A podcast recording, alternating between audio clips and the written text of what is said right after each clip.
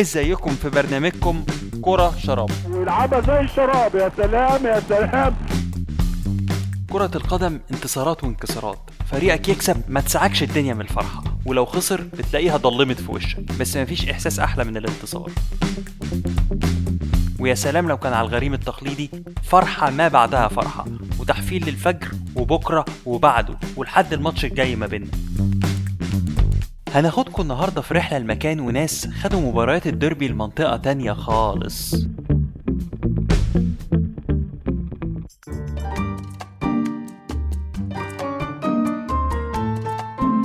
المكان الأرجنتين.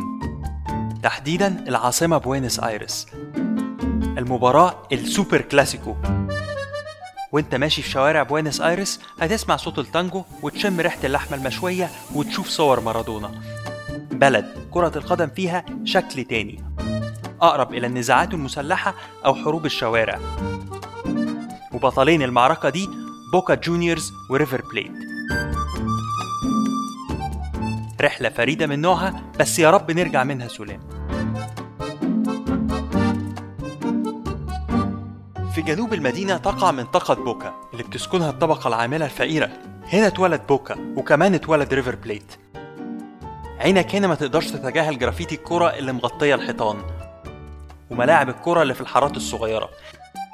الحي الصغير كان في الأساس مكان لهجرة الإيطاليين واستقرارهم خلال سنوات الحرب في أوروبا. حتى إن اللهجة المحلية فيها مزيج بين الإيطالية والأسبانية غير الأسباني الموجود في أي حتة تانية في أمريكا اللاتينية. منطقة بوكا اللي تسمى على اسمها بوكا جونيورز بتطل على نهر لا بلاتا أو لا بلاتا River وهنا اتولد ريفر بليت. مشجعين البوكا فضلوا في حيهم الفقير متمسكين بجذورهم الإيطالية وشعار الراجل الإيطالي اللي لابس تيشيرت بوكا وماسك في إيده بيتزا وبنوا في حيهم الفقير ملعب البومبونيرا أو بالعربي علبة الشوكولاتة. وده بسبب وجود الملعب في منطقة ضيقة وتصميمه المستطيل. عشان كده مدرجات الملعب مبنية فوق بعض بشكل أفقي. فلو هتروح تشوف ماتش في ملعب البومبونيرا استعد لطلوع عدد مش قليل من السلالم.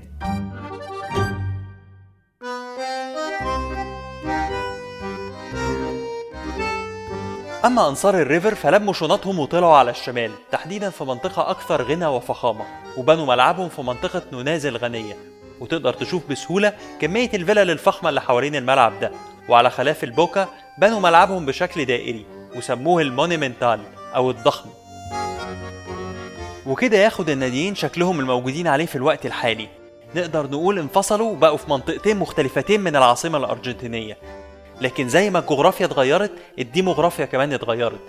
فممكن تلاقي فقير بيشجع ريفر أو غني بيشجع بوكا ومن هنا التنافس بين الفريقين وصل لكل زاوية في الأرجنتين. فنقدر نقول إن أربعة من كل خمسة في الأرجنتين بيشجعوا إما بوكا أو ريفر. مش بس تاريخيا وفي شكل الملعبين حتى على أرضية الملعب وفيما يتعلق بطريقة اللعب والتكتيك الفريقين برضو مختلفين.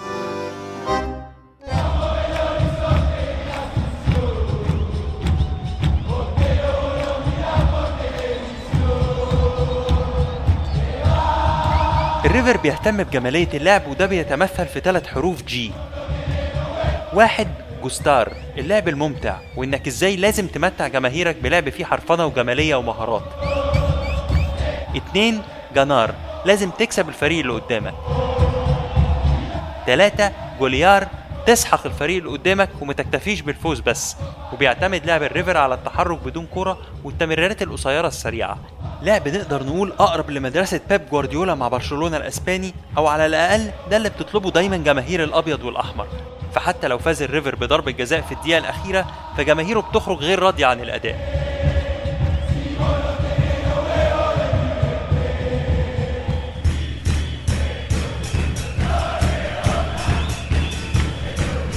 بالنسبة للبوكا فالأهم بالنسبة لهم هو الجرة المخالب تبقى مخربش يعني. اللي بتتمثل في بذل الجهد والعرق وعمل أي شيء لتحقيق الفوز بغض النظر عن طريقة الفوز. وعشان نقرب الفكرة نقدر نقول زي ديربي القاهرة كده. مدرسة الفن والهندسة وروح الفانيلا الحمراء. العنصر الثاني في ماتشات البوكا والريفر تاريخيا هو ال vuelta olímpica أو اللفة الاولمبيه وهي عبارة عن لفة كاملة بيأديها لعيبة الفريق الفايز بلقب حوالين الملعب كله. ومفيش إهانة أكبر من لفة في ملعب الخصم وبيعتبرها بعض المشجعين أفضل إحساس على الإطلاق. وفي عام 69 كسب البوكا اللقب في ملعب الريفر ولفت لعيبة البوكا لفة كاملة باللقب. وكانت لحظة مهينة بكل ما تحمله الكلمة من معنى لجماهير الريفر.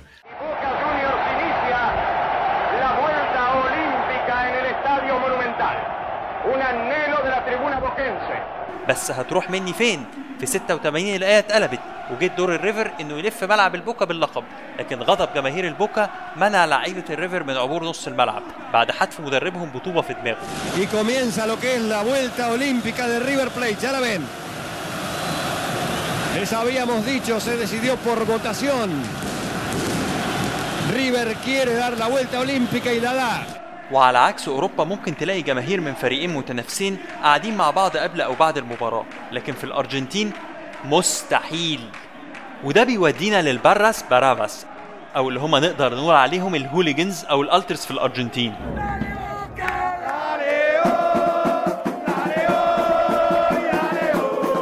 ودول بقى غير إنهم مشجعين مجانين هم المتحكمين في business الماتشات من أول بيع أعلام لدخلات وتذاكر ماتشات وجولات داخل الاستاد لغاية بيع التيشيرتات وده بيعود عليهم بعائد ضخم وبيحطهم في فئة راقية داخل المجتمع وعندها نفوذ كبير جوه الأرجنتين. ومن هنا لما يبقى عندك مجموعة بالقوة دي والنفوذ ده والجنون ده وزود عليهم العنف لازم تتوقع الأسوأ. في واحد من الماتشات سنة 94 وعلى ملعب بوكا فاز ريفر بليت 2-0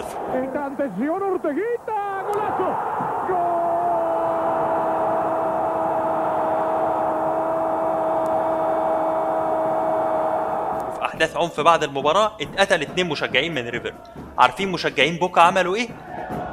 حسبوا نتيجة الماتش 2 2 هدفين دخلوا في بوكا واتنين مشجعين ماتوا من الريفر. واتملت شوارع حي بوكا الفقير بجرافيتي 2 2 ومن ساعتها قرر الاتحاد الأرجنتيني منع وجود جماهير الفريق الضيف في جميع مباريات السوبر كلاسيكو. فما بقاش يقدر مشجع من ريفر يروح ملعب بوكا ولا العكس.